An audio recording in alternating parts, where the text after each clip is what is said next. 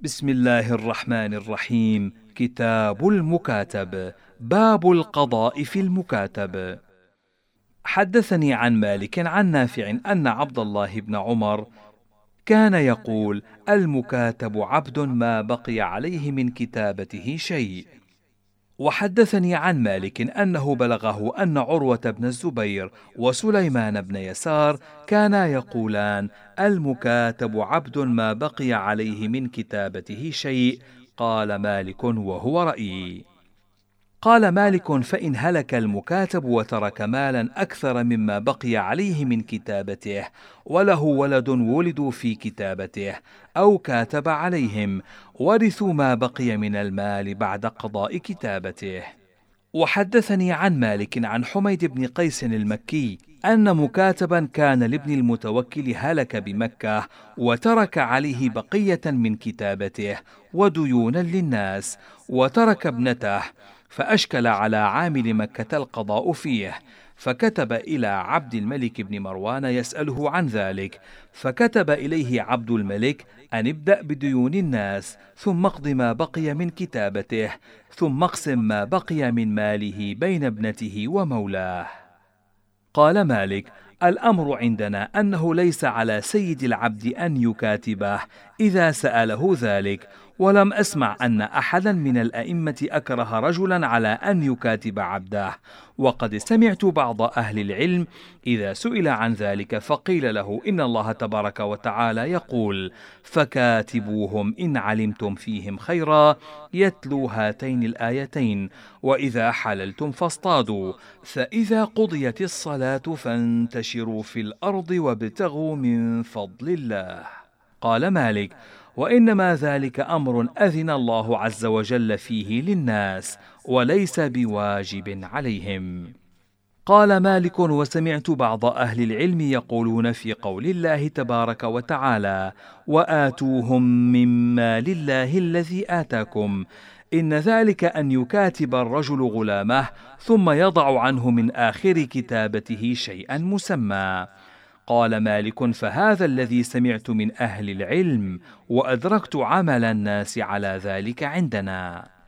قال مالك وقد بلغني أن عبد الله بن عمر كاتب غلاما له على خمسة وثلاثين ألف درهم ثم وضع عنه من آخر كتابته خمسة آلاف درهم.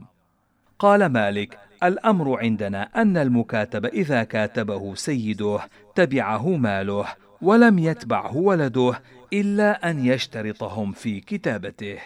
قال يحيى سمعت مالكا يقول في المكاتب يكاتبه سيده وله جارية بها حبل منه لم يعلم به هو ولا سيده يوم كتابته فإنه لا يتبعه ذلك الولد لأنه لم يكن دخل في كتابته وهو لسيده. فأما الجارية فإنها للمكاتب لأنها من ماله. قال مالك في رجل ورث مكاتبا من امرأته هو وابنها. إن المكاتب إن مات قبل أن يقضي كتابته اقتسما ميراثه على كتاب الله.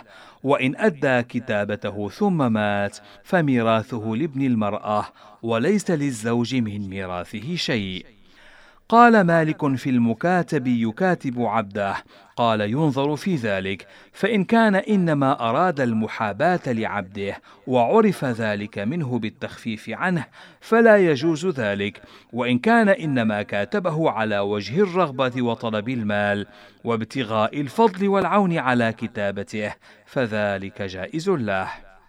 قال مالك في رجل وطئ مكاتبة له إنها إن حملت فهي بالخيار إن شاءت كانت أم ولد وإن شاءت قرت على كتابتها فإن لم تحمل فهي على كتابتها. قال مالك الأمر المجتمع عليه عندنا في العبد يكون بين الرجلين إن أحدهما لا يكاتب نصيبه منه أذن له بذلك صاحبه أو لم يأذن إلا أن يكاتباه جميعا لأن ذلك يعقد له عتقا ويصير إذا أدى العبد ما كتب عليه إلى أن يعتق نصفه. ولا يكون على الذي كاتب بعضه أن يستتم عتقه فذلك خلاف ما قال رسول الله صلى الله عليه وسلم. من أعتق شركا له في عبد قوم عليه قيمة العدل. قال مالك فإن جهل ذلك حتى يؤدي المكاتب أو قبل أن يؤدي. رد إليه الذي كاتبه ما قبض من المكاتب فقد تسمه هو وشريكه على قدر حصصهما وبطلت كتابته وكان عبدا لهما على حاله الأولى. قال مالك في مكاتب بين رجلين فأنظره أحدهما بحقه الذي عليه وأبى الآخر أن ينظره فقتضى الذي أبى أن ينظره بعض حقه ثم مات المكاتب وترك مالا ليس فيه وفاء من كتابته. قال مالك يتحاصان ما ترك بقدر ما بقي لهما عليه يأخذ كل واحد منهما بقدر حصته. فإن ترك المكاتب فضلا عن كتابته أخذ كل واحد منهما ما بقي من الكتابة وكان ما بقي بينهما بالسواء. فإن عجز المكاتب وقد اقتضى الذي لم ينظره أكثر مما اقتضى صاحبه. كان العبد بينهما نصفين ولا يرد على صاحبه فضل ما اقتضى لأنه إنما اقتضى الذي له بإذن صاحبه. وإن وضع عنه أحدهما الذي له ثم اقتضى صاحبه بعض الذي له عليه ثم عجز فهو بينهما. ولا يرد الذي اقتضى على صاحبه شيئا لأنه إنما اقتضى الذي له عليه وذلك بمنزلة الدين للرجلين بكتاب واحد على رجل واحد فينظره أحدهما ويشح الآخر فيقتضي بعض حقه ثم يفلس الغريم فليس على الذي اقتضى أن يرد شيئا مما أخذ. باب الحمالة في الكتابة. قال مالك الأمر المجتمع عليه عندنا أن العبيد إذا كتبوا جميعا كتابة واحدة فإن بعضهم حملاء عن بعض وإنه لا يوضع عنهم لموت أحدهم شيء. وإن قال أحدهم قد عجزت وألقى بيديه فإن لأصحابه أن يستعملوه فيما يطيق من العمل ويتعاونون بذلك في كتابتهم حتى يعتق بعتقهم إن عتقوا ويرق برقهم إن رقوا. قال مالك الأمر المجتمع عليه عندنا أن العبد إذا كاتبه سيده لم ينبغي لسيده أن يتحمل له بكتابة عبده أحد إن مات العبد أو عجز وليس هذا من سنة المسلمين وذلك أنه إن تحمل رجل لسيد المكاتب بما عليه من كتابته ثم اتبع ذلك سيد المكاتب قبل الذي تحمل له أخذ ماله باطلا لا هو ابتاع المكاتب فيكون ما أخذ منه من ثمن شيء هو له ولا المكاتب عتق فيكون في ثمن حرمة ثبتت له فإن عجز المكاتب رجع إلى سيده وكان عبدا مملوكا له. وذلك أن الكتابة ليست بدين ثابت يتحمل لسيد المكاتب بها، إنما هي شيء إن أداه المكاتب عتق، وإن مات المكاتب وعليه دين لم يحاص الغرماء سيده بكتابته، وكان الغرماء أولى بذلك من سيده. وإن عجز المكاتب وعليه دين للناس رد عبدا مملوكا لسيده وكانت ديون الناس في ذمة المكاتب لا يدخلون مع سيده في شيء من ثمن رقبته. قال مالك إذا كاتب القوم جميعا كتابة واحدة ولا رحم بينهم يتوارثون بها فإن بعضهم حملاء عن بعض ولا يعتق بعضهم دون بعض حتى يؤدوا الكتابة كلها فإن مات أحد منهم وترك مالا هو أكثر من جميع ما عليهم أدي عنهم جميع ما عليهم وكان فضل المال لسيده ولم يكن لمن كاتب معه من فضل المال شيء ويتبعهم السيد بحصصهم التي بقيت عليهم من الكتابة التي قضيت من مال الهالك. لأن الهالك إنما كان تحمل عنهم فعليهم أن يؤدوا ما عتقوا به من ماله. وإن كان للمكاتب الهالك ولد حر لم يولد في الكتابة ولم يكاتب عليه لم يرثه. لأن المكاتب لم يعتق حتى مات.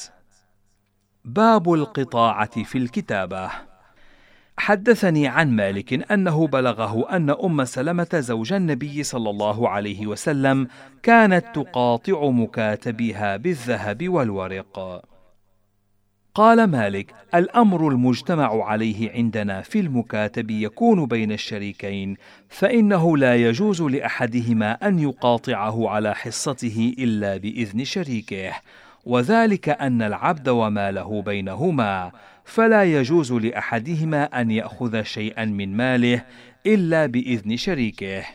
ولو قاطعه أحدهما دون صاحبه ثم حاز ذلك ثم مات المكاتب وله مال أو عجز لم يكن لمن قاطعه شيء من ماله. ولم يكن له أن يرد ما قاطعه عليه ويرجع حقه في رقبته. ولكن من قاطع مكاتبا بإذن شريكه ثم عجز المكاتب فإن أحب الذي قاطعه أن يرد الذي أخذ منه من القطاعة ويكون على نصيبه من رقبة المكاتب. كان ذلك له. وإن مات المكاتب وترك مالا استوفى الذي بقيت له الكتابة حقه الذي بقي له على المكاتب من ماله. ثم كان ما بقي من مال المكاتب بين الذي قاطعه وبين شريكه على قدر حصصهما في المكاتب. وإن كان أحدهما قاطعه وتماسك صاحبه بالكتابة ثم عجز المكاتب قيل للذي قاطعه إن شئت أن ترد على صاحبك نصف الذي أخذت ويكون العبد بينكما شطرين وإن أبيت فجميع العبد للذي تمسك بالرق خالصا. قال مالك في المكاتب يكون بين الرجلين فيقاطعه أحدهما بإذن صاحبه ثم يقتضي الذي تمسك بالرق مثل ما قاطع عليه صاحبه أو أكثر من ذلك ثم يعجز المكاتب. قال مالك فهو بينهما لأنه إنما اقتضى الذي له عليه وإن اقتضى أقل مما أخذ الذي قاطعه ثم عجز المكاتب فأحب الذي قاطعه أن يرد على صاحبه نصف ما تفضله به ويكون العبد بينهما نصفين فذلك له. وإن أبى فجميع العبد للذي لم يقاطعه وإن مات المكاتب وترك مالا فأحب الذي قاطعه أن يرد على صاحبه نصف ما تفضله به ويكون الميراث بينهما فذلك له. وإن كان الذي تمسك بالكتابة قد أخذ مثل ما قاطع عليه شريكه أو أفضل فالميراث بينهما بقدر ملكهما لأنه إنما أخذ حقه. قال مالك في المكاتب يكون بين الرجلين فيقاطع أحدهما على نصف حقه بإذن صاحبه ثم يقبض الذي تمسك بالرق أقل مما قاطع عليه صاحبه ثم يعجز المكاتب. قال مالك إن أحب الذي قاطع العبد أن يرد على صاحبه نصف ما تفضله به كان العبد بينهما شطرين وإن أبى أن يرد فللذي تمسك بالرق حصة صاحبه الذي كان قاطع عليه المكاتب. قال مالك وتفسير ذلك أن العبد يكون بينهما شطرين فيكاتبانه جميعا ثم يقاطع أحدهما المكاتب على نصف حقه بإذن صاحبه وذلك الربع من جميع العبد ثم يعجز المكاتب فيقال للذي قاطعه. إن شئت فردد على صاحبك نصف ما فضلته به ويكون العبد بينكما شطرين وإن أبى كان للذي تمسك بالكتابة ربع صاحبه الذي قاطع المكاتب عليه خالصا وكان له نصف العبد فذلك ثلاثة أرباع العبد وكان للذي قاطع ربع العبد لأنه أبى أن يرد ثمن ربوعه الذي قاطع عليه. قال مالك في المكاتب يقاطعه سيده فيعتق ويكتب عليه ما بقي من قطاعته دينا عليه ثم يموت المكاتب وعليه دين للناس. قال مالك فإن سيده لا يحاص غرماءه بالذي عليه من قطاعته ولغرمائه أن يبدأوا عليه. قال مالك ليس للمكاتب أن يقاطع سيده إذا كان عليه دين للناس فيعتق ويصير لا شيء له لأن أهل الدين أحق بماله من سيده فليس ذلك بجائز له. قال مالك الأمر عندنا في الرجل يكاتب عبده ثم يقاطعه بالذهب فيضع عنه مما عليه من الكتابة على أن يعجل له ما قاطعه عليه أنه ليس بذلك بأس وإنما كره ذلك من كرهه لأنه أنزله بمنزلة الدين يكون للرجل على الرجل إلى أجل فيضع عنه وينقده. وليس هذا مثل الدين إنما كانت قطاعة المكاتب سيدة على أن يعطيه مالا في أن يتعجل العتق فيجب له الميراث والشهادة والحدود وتثبت له حرمة العتاقة. ولم يشتري دراهم بدراهم ولا ذهبا بذهب. وإنما مثل ذلك مثل رجل قال لغلامه ائتني بكذا وكذا دينارا وأنت حر. فوضع عنه من ذلك فقال إن جئتني بأقل من ذلك فأنت حر فليس هذا دينا ثابتا ولو كان دينا ثابتا لحاص به السيد غرماء المكاتب إذا مات أو أفلس فدخل معهم في مال مكاتبه. باب جراح المكاتب. قال مالك أحسن ما سمعت في المكاتب يجرح الرجل جرحا يقع فيه العقل عليه أن المكاتب إن قوي على أن يؤدي عقل ذلك الجرح مع كتابته أداه وكان على كتابته فإن لم يقو على ذلك فقد عجز عن كتابته وذلك أنه ينبغي أن يؤدي عقل ذلك الجرح قبل الكتابة. فإن هو عجز عن أداء عقل ذلك الجرح خير سيده. فإن أحب أن يؤدي عقل ذلك الجرح فعل وأمسك غلامه وصار عبدا مملوكا. وإن شاء أن يسلم العبد إلى المجروح أسلمه وليس على السيد أكثر من أن يسلم عبده. قال مالك في القوم يكاتبون جميعا فيجرح أحدهم جرحا فيه عقل. قال مالك من جرح منهم جرحا فيه عقل قيل له وللذين معه في الكتابة أدوا جميعا عقل ذلك الجرح. فإن أدوا ثبتوا على كتابتهم وإن لم يؤدوا فقد عجزوا ويخير سيدهم فإن شاء أدى عقل ذلك الجرح ورجعوا عبيدا له جميعا وإن شاء أسلم الجارح وحده ورجع الآخرون عبيدا له جميعا بعجزهم عن أداء عقل ذلك الجرح الذي جرح صاحبهم. قال مالك الأمر الذي لا اختلاف فيه عندنا أن المكاتب إذا أصيب بجرح يكون له فيه عقل أو أصيب أحد من ولد المكاتب الذين معه في كتابته فإن عقلهم عقل العبيد في قيمتهم وأن ما أخذ لهم من عقلهم يدفع إلى سيدهم الذي له بالكتابة. ويحسب ذلك للمكاتب في آخر كتابته فيوضع عنه ما أخذ سيده من دية جرحه. قال مالك وتفسير ذلك أنه كأنه كاتبه على ثلاثة آلاف درهم وكان دية جرحه الذي أخذها سيده ألف درهم فإن أدى المكاتب إلى سيده ألفي درهم فهو حر وإن كان الذي بقي عليه من كتابته ألف درهم وكان الذي أخذ من دية جرحه ألف درهم فقد عتق وإن كان عقل جرحه أكثر مما بقي على المكاتب أخذ سيد المكاتب ما بقي من كتابته وعتق ما كان فضل بعد أداء كتابته للمكاتب ولا ينبغي أن يدفع إلى المكاتب شيء من دية جرحه فيأكله ويستهلكه فإن عجز رجع إلى سيده أعور أو مقطوع اليد أو معضوب الجسد. وإنما كاتبه سيده على ماله وكسبه ولم يكاتبه على أن يأخذ ثمن ولده ولا ما أصيب من عقل جسده فيأكله ويستهلكه. ولكن عقل جراحات المكاتب وولده الذين ولدوا في كتابته أو كاتب عليهم يدفع إلى سيده ويحسب ذلك له في آخر كتابته. باب بيع المكاتب. قال مالك إن أحسن ما سمع في الرجل يشتري مكاتب الرجل أنه لا يبيعه إذا كان كاتبه بدنانير أو دراهم إلا بعرض من العروض يعجله ولا يؤخره.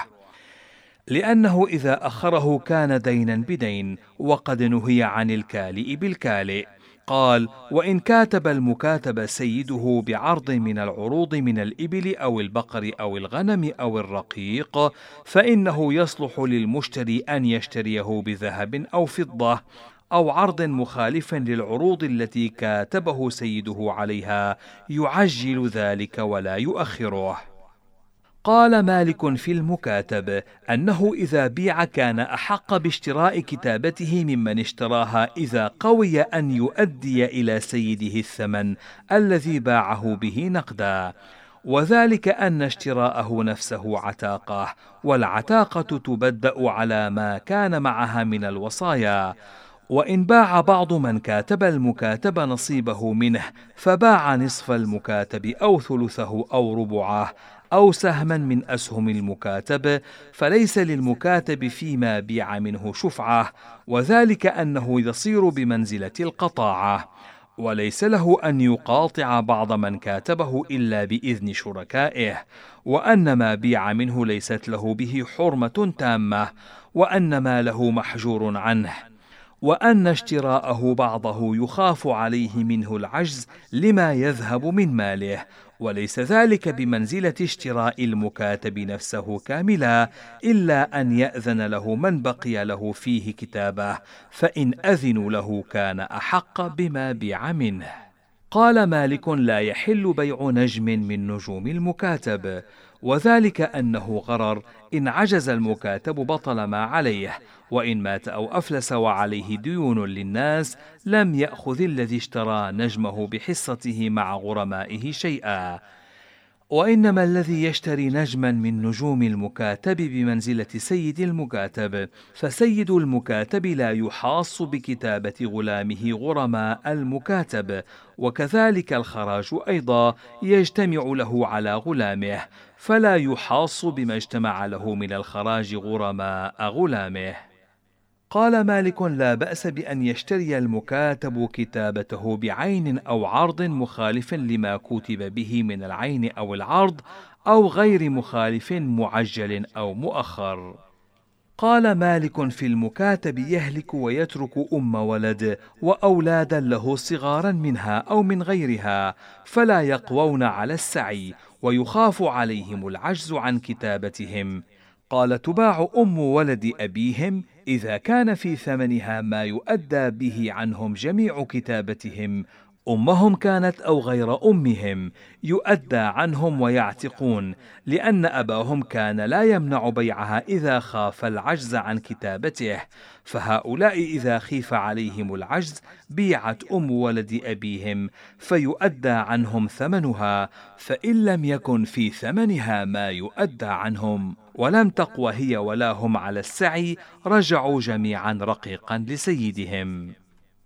قال مالك الأمر عندنا في الذي يبتاع كتابة المكاتب ثم يهلك المكاتب قبل أن يؤدي كتابته أنه يرثه الذي اشترى كتابته. وإن عجز فله رقبته. وإن أدى المكاتب كتابته إلى الذي اشتراها وعتق فولاؤه للذي عقد كتابته. ليس للذي اشترى كتابته من ولائه شيء. باب سعي المكاتب. حدثني عن مالك أنه بلغه أن عروة بن الزبير وسليمان بن يسار سئلا عن رجل كاتب على نفسه وعلى بنيه ثم مات هل يسعى بنو المكاتب في كتابة أبيهم أم هم عبيد؟ فقالا بل يسعون في كتابة أبيهم ولا يوضع عنهم لموت أبيهم شيء. قال مالك وإن كانوا صغارا لا يطيقون السعي لم ينتظر بهم أن يكبروا وكانوا رقيقا لسيد أبيهم إلا أن يكون المكاتب ترك ما يؤدى به عنهم نجومهم إلى أن يتكلفوا السعي فإن كان فيما ترك ما يؤدى عنهم أدي ذلك عنهم وتركوا على حالهم حتى يبلغوا السعي فإن أدوا عتقوا وإن عجزوا رقوا. قال مالك في المكاتب يموت ويترك مالا ليس فيه وفاء الكتابة ويترك ولدا معه في كتابته وأم ولد فأرادت أم ولده أن تسعى عليهم إنه يدفع إليها المال. إذا كانت مأمونة على ذلك قوية على السعي وإن لم تكن قوية على السعي ولا مأمونة على المال لم تعط شيئا من ذلك. ورجعت هي وولد المكاتب رقيقا لسيد المكاتب. قال مالك إذا كاتب القوم جميعا كتابة واحدة ولا رحم بينهم فعجز بعضهم وسعى بعضهم حتى عتقوا جميعا. فإن الذين سعوا يرجعون على الذين عجزوا بحصة ما أدوا عنهم لأن بعضهم حملاء عن بعض. باب عتق المكاتب إذا أدى ما عليه قبل محله. حدثني عن مالك أنه سمع ربيعة بن أبي عبد الرحمن وغيره يذكرون أن مكاتبا كان للفرافصة بن عمير الحنفي وأنه عرض عليه أن يدفع إليه جميع ما عليه من كتابته. فأبى الفرافصة فأتى المكاتب مروان بن الحكم وهو أمير المدينة. فذكر ذلك له فدعا مروان الفرافصه فقال له ذلك فأبى فأمر مروان بذلك المال أن يقبض من المكاتب فيوضع في بيت المال وقال للمكاتب اذهب فقد عتقت فلما رأى ذلك الفرافصه قبض المال. قال مالك فالأمر عندنا أن المكاتب إذا أدى جميع ما عليه من نجومه قبل محلها جاز ذلك له ولم يكن لسيده أن يأبى ذلك عليه. وذلك أنه يضع عن المكاتب بذلك كل شرط أو خدمة أو سفر لأنه لا تتم عتاقة رجل وعليه بقية من رق ولا تتم حرمته ولا تجوز شهادته ولا يجب ميراثه ولا أشباه هذا من أمره. ولا ينبغي لسيده أن يشترط عليه خدمة بعد عتاقته. قال مالك في مكاتب مرض مرضا شديدا فأراد أن يدفع نجومه كلها إلى سيده لأن يرثه ورثة له أحرار وليس معه في كتابته ولد له. قال مالك ذلك جائز له لأنه تتم بذلك حرمته وتجوز شهادته ويجوز اعترافه بما عليه من ديون الناس وتجوز وصيته وليس لسيده أن يأبى ذلك عليه بأن يقول فر مني بماله. باب ميراث المكاتب إذا عتق.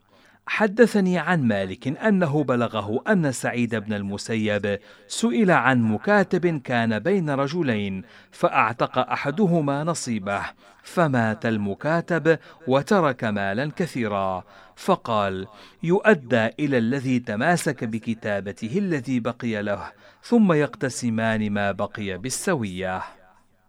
قال مالك إذا كاتب المكاتب فعتق فإنما يرثه أولى الناس بمن كاتبه من الرجال يوم توفي المكاتب من ولد أو عصبة. قال وهذا أيضا في كل من أعتق فإنما ميراثه لأقرب الناس ممن أعتقه من ولد أو عصبة من الرجال يوم يموت المعتق بعد أن يعتق ويصير موروثا بالولاء. قال مالك الإخوة في الكتابة بمنزلة الولد إذا كتبوا جميعا كتابة واحدة إذا لم يكن لأحد منهم ولد كاتب عليهم أو ولدوا في كتابته أو كاتب عليهم ثم هلك أحدهم وترك مالا أدي عنهم جميع ما عليهم من كتابتهم وعتقوا وكان فضل المال بعد ذلك لولده دون إخوته. باب الشرط في المكاتب. حدثني عن مالك في رجل كاتب عبده بذهب أو ورق واشترط عليه في كتابته سفرا أو خدمة أو ضحية. إن كل شيء من ذلك سمى باسمه. ثم قوي المكاتب على أداء نجومه كلها قبل محلها. قال إذا أدى نجومه كلها وعليه هذا الشرط عتق فتمت حرمته. ونظر إلى ما شرط عليه من خدمة أو سفر أو ما أشبه ذلك مما يعالجه هو بنفسه. فذلك موضوع عنه ليس لسيده فيه شيء وما كان من ضحية أو كسوة أو شيء يؤديه فإنما هو بمنزلة الدنانير والدراهم يقوم ذلك عليه فيدفعه مع نجومه ولا يعتق حتى يدفع ذلك مع نجومه. قال مالك الأمر المجتمع عليه عندنا الذي لا اختلاف فيه أن المكاتب بمنزلة عبد أعتقه سيده بعد خدمة عشر سنين، فإذا هلك سيده الذي أعتقه قبل عشر سنين، فإنما بقي عليه من خدمته لورثته، وكان ولاؤه للذي عقد عتقه ولولده من الرجال أو العصبة. قال مالك في الرجل يشترط على مكاتبه أنك لا تسافر ولا تنكح ولا تخرج من أرضي إلا باذني فإن فعلت شيئا من ذلك بغير اذني فمحو كتابتك بيدي. قال مالك ليس محو كتابته بيده إن فعل المكاتب شيئا من ذلك وليرفع سيده ذلك إلى السلطان. وليس للمكاتب أن ينكح ولا يسافر ولا يخرج من أرض سيده إلا بإذنه اشترط ذلك أو لم يشترطه. وذلك أن الرجل يكاتب عبده بمئة دينار وله ألف دينار أو أكثر من ذلك فينطلق فينكح المرأة فيصدقها الصداق الذي يجحف بماله ويكون فيه عجزه فيرجع إلى سيده عبدا لا مال له أو يسافر فتحل نجومه وهو غائب فليس ذلك له. ولا على ذلك كاتبه وذلك بيد سيده إن شاء أذن له في ذلك وإن شاء منعه. باب ولاء المكاتب إذا أعتق. قال مالك إن المكاتب إذا أعتق عبده إن ذلك غير جائز له إلا بإذن سيده. فإن أجاز ذلك سيده له ثم عتق المكاتب كان ولاؤه للمكاتب. وإن مات المكاتب قبل أن يعتق كان ولاء المعتق لسيد المكاتب. وإن مات المعتق قبل أن يعتق المكاتب ورثه سيد المكاتب. قال مالك وكذلك أيضا لو كاتب المكاتب عبدا فعتق المكاتب الآخر قبل سيده الذي كاتبه فإن ولاءه لسيد المكاتب ما لم يعتق المكاتب الأول الذي كاتبه فإن عتق الذي كاتبه رجع إليه ولاء مكاتبه الذي كان عتق قبله وإن مات المكاتب الأول قبل أن يؤدي أو عجز عن كتابته وله ولد أحرار لم يرثوا ولاء مكاتب ابيهم لأنه لم يثبت لأبيهم الولاء ولا يكون له الولاء حتى يعتق. قال مالك في المكاتب يكون بين الرجلين فيترك أحدهما للمكاتب الذي له عليه ويشح الآخر ثم يموت المكاتب ويترك مالا. قال مالك يقضي الذي لم يترك له شيئا ما بقي له عليه ثم يقتسمان المال كهيئته لو مات عبدا لأن الذي صنع ليس بعتاقة وإنما ترك ما كان له عليه. قال مالك ومما يبين ذلك أن الرجل إذا مات وترك مكاتبا وترك بنين رجالا ونساء ثم أعتق أحد البنين نصيبه من المكاتب إن ذلك لا يثبت له من الولاء شيئا. ولو كان عتاقة لثبت الولاء لمن أعتق منهم من رجالهم ونسائهم. قال مالك ومما يبين ذلك أيضا أنهم إذا أعتق أحدهم نصيبه ثم عجز المكاتب لم يقوم على الذي أعتق نصيبه ما بقي من المكاتب. ولو كانت عتاقة قوم عليه حتى يعتق في ماله. كما قال رسول الله صلى الله عليه وسلم من أعتق شركا له في عبد قوم عليه قيمة العدل. فإن لم يكن له مال عتق منه ما عتق. قال ومما يبين ذلك أيضا أن من سنة المسلمين التي لا اختلاف فيها أن من أعتق شركا له في مكاتب لم يعتق عليه في ماله ولو عتق عليه كان الولاء له دون شركائه.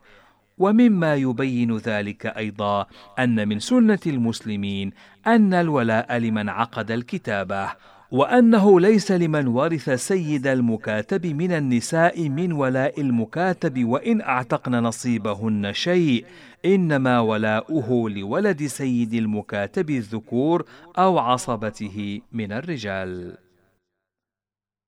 باب ما لا يجوز من عتق المكاتب. قال مالك إذا كان القوم جميعا في كتابة واحدة لم يعتق سيدهم احدا منهم دون مؤامرة أصحابه الذين معه في الكتابة ورضا منهم. وإن كانوا صغارا فليس مؤامرتهم بشيء ولا يجوز ذلك عليهم. قال وذلك أن الرجل ربما كان يسعى على جميع القوم ويؤدي عنهم كتابتهم لتتم به عتاقتهم فيعمد السيد إلى الذي يؤدي عنهم وبه نجاتهم من الرق فيعتقه فيكون ذلك عجزا لمن بقي منهم وإنما أراد بذلك الفضل والزيادة لنفسه. فلا يجوز ذلك على من بقي منهم وقد قال رسول الله صلى الله عليه وسلم لا ضرر ولا ضرار وهذا أشد الضرر. قال مالك في العبيد يكاتبون جميعا إن لسيدهم أن يعتق منهم الكبير الفاني والصغير الذي لا يؤدي واحد منهما شيئا وليس عند واحد منهما عون ولا قوة في كتابتهم فذلك جائز له. باب جامع ما جاء في عتق المكاتب وأم ولده. قال مالك في الرجل يكاتب عبده ثم يموت المكاتب ويترك أم ولده وقد بقيت عليه من كتابته بقية ويترك وفاء بما عليه. إن أم ولده أمة مملوكة حين لم يعتق المكاتب حتى مات ولم يترك ولدا فيعتقون بأداء ما بقي فتعتق أم ولد أبيهم بعتقهم. قال مالك في المكاتب يعتق عبدا له أو يتصدق ببعض ماله ولم يعلم بذلك سيده حتى عتق المكاتب. قال مالك ينفذ ذلك عليه وليس للمكاتب أن يرجع فيه فإن علم سيد المكاتب قبل أن يعتق المكاتب فرد ذلك ولم يجزه. فإنه إن عتق المكاتب وذلك في يده لم يكن عليه أن يعتق ذلك العبد ولا أن يخرج تلك الصدقة إلا أن يفعل ذلك طائعا من عند نفسه. باب الوصية في المكاتب.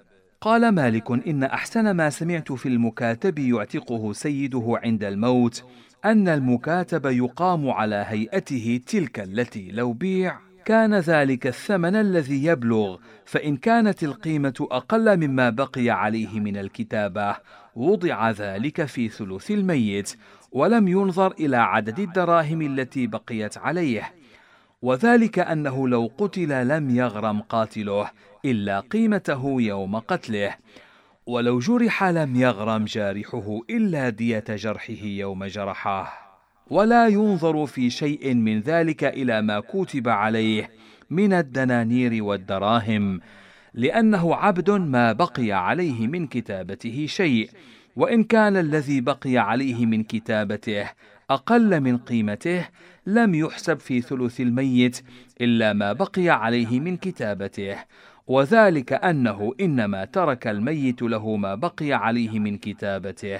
فصارت وصية اوصى بها قال مالك وتفسير ذلك أنه لو كانت قيمة المكاتب ألف درهم ولم يبق من كتابته إلا مئة درهم فأوصى سيده له بالمئة درهم التي بقيت عليه حسبت له في ثلث سيده فصار حرا بها. قال مالك في رجل كاتب عبده عند موته إنه يقوم عبدا فإن كان في ثلثه سعه لثمن العبد جاز له ذلك.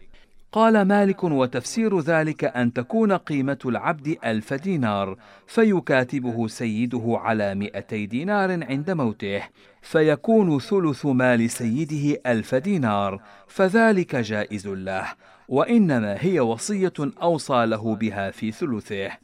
فإن كان السيد قد أوصى لقوم بوصايا وليس في الثلث فضل عن قيمة المكاتب بدأ بالمكاتب لأن الكتابة عتاقة والعتاقة تبدأ على الوصايا ثم تجعل تلك الوصايا في كتابة المكاتب يتبعونه بها. ويخير ورثة الموصي فإن أحبوا أن يعطوا أهل الوصايا وصاياهم كاملة وتكون كتابة المكاتب لهم فذلك لهم. وإن أبوا وأسلموا المكاتب وما عليه إلى أهل الوصايا فذلك لهم لأن الثلث صار في المكاتب ولأن كل وصية أوصى بها أحد. فقال الورثة الذي أوصى به صاحبنا أكثر من ثلثه وقد أخذ ما ليس له. قال فإن ورثته يخيرون فيقال لهم قد أوصى صاحبكم بما قد علمتم فإن أحببتم أن تنفذوا ذلك لأهله على ما أوصى به الميت وإلا فأسلموا لأهل الوصايا ثلث مال الميت كله قال فإن أسلم الورثة المكاتب إلى أهل الوصايا كان لأهل الوصايا ما عليه من الكتابة. فإن أدى المكاتب ما عليه من الكتابة أخذوا ذلك في وصاياهم على قدر حصصهم. وإن عجز المكاتب كان عبدا لأهل الوصايا لا يرجع إلى أهل الميراث لأنهم تركوه حين خيروا ولأن أهل الوصايا حين أسلم إليهم ضمنوه. فلو مات لم يكن لهم على الورثة شيء وإن مات المكاتب قبل أن يؤدي كتابته وترك مالا هو أكثر مما عليه فماله لأهل الوصايا وإن أدى المكاتب ما عليه عتق ورجع ولاؤه إلى عصبة الذي عقد كتابته. قال مالك في المكاتب يكون لسيده عليه عشرة آلاف درهم فيضع عنه عند موته ألف درهم. قال مالك يقوم المكاتب فينظر كم قيمته. فإن كانت قيمته ألف درهم فالذي وضع عنه عشر الكتابة. وذلك في القيمة مئة درهم وهو عشر القيمة. فيوضع عنه عشر الكتابة. فيصير ذلك إلى عشر القيمة نقدا. وإنما ذلك كهيئته لو وضع عنه جميع ما عليه. ولو فعل ذلك لم يحسب في ثلث مال الميت إلا قيمة المكاتب ألف درهم. وإن كان الذي وضع عنه نصف الكتابة حسب في ثلث مال الميت نصف القيمة. وإن كان أقل من ذلك أو أكثر فهو على هذا الحساب. قال مالك إذا وضع الرجل عن مكاتبه عند موته ألف درهم من عشرة آلاف درهم ولم يسم أنها من أول كتابته أو من آخرها وضع عنه من كل نجم عشره قال مالك وإذا وضع الرجل عن مكاتبه عند الموت ألف درهم من أول كتابته أو من آخرها وكان أصل الكتابة على ثلاثة آلاف درهم. قوم المكاتب قيمة النقد ثم قسمت تلك القيمة. فجعل لتلك الألف التي من أول الكتابة حصتها من تلك القيمة بقدر قربها من الأجل وفضلها ثم الألف التي تلي الألف الأولى بقدر فضلها أيضا ثم الألف التي تلي بقدر فضلها أيضا حتى يؤتى على آخرها تفضل كل ألف بقدر موضعها في تعجيل الأجل وتأخيره. لأن ما استأخر من ذلك كان أقل في القيمة ثم يوضع في ثلث الميت قدر ما أصاب تلك الألف من القيمة على تفاضل ذلك إن قل أو كثر فهو على هذا الحساب. قال مالك في رجل أوصى لرجل بربع مكاتب أو أعتق ربعه فهلك الرجل ثم هلك المكاتب وترك مالا كثيرا أكثر مما بقي عليه. قال مالك يعطى ورثة السيد والذي أوصى له بربع المكاتب ما بقي لهم على المكاتب ثم يقتسمون ما فضل فيكون للموصى له بربع المكاتب ثلث ما فضل بعد أداء الكتابة ولورثة سيده الثلثان. وذلك أن المكاتب عبد ما بقي عليه من كتابته شيء فإنما يورث بالرق. قال مالك في مكاتب أعتقه سيده عند الموت. قال إن لم يحمله ثلث الميت عتق منه قدر ما حمل الثلث ويوضع عنه من الكتابة. قدر ذلك إن كان على المكاتب خمسة آلاف درهم وكانت قيمته ألفي درهم نقدا ويكون ثلث الميت ألف درهم عتق نصفه ويوضع عنه شطر الكتابة. قال مالك في رجل قال في وصيته غلامي فلان حر وكاتب فلانا تبدأ العتاقة على الكتابة.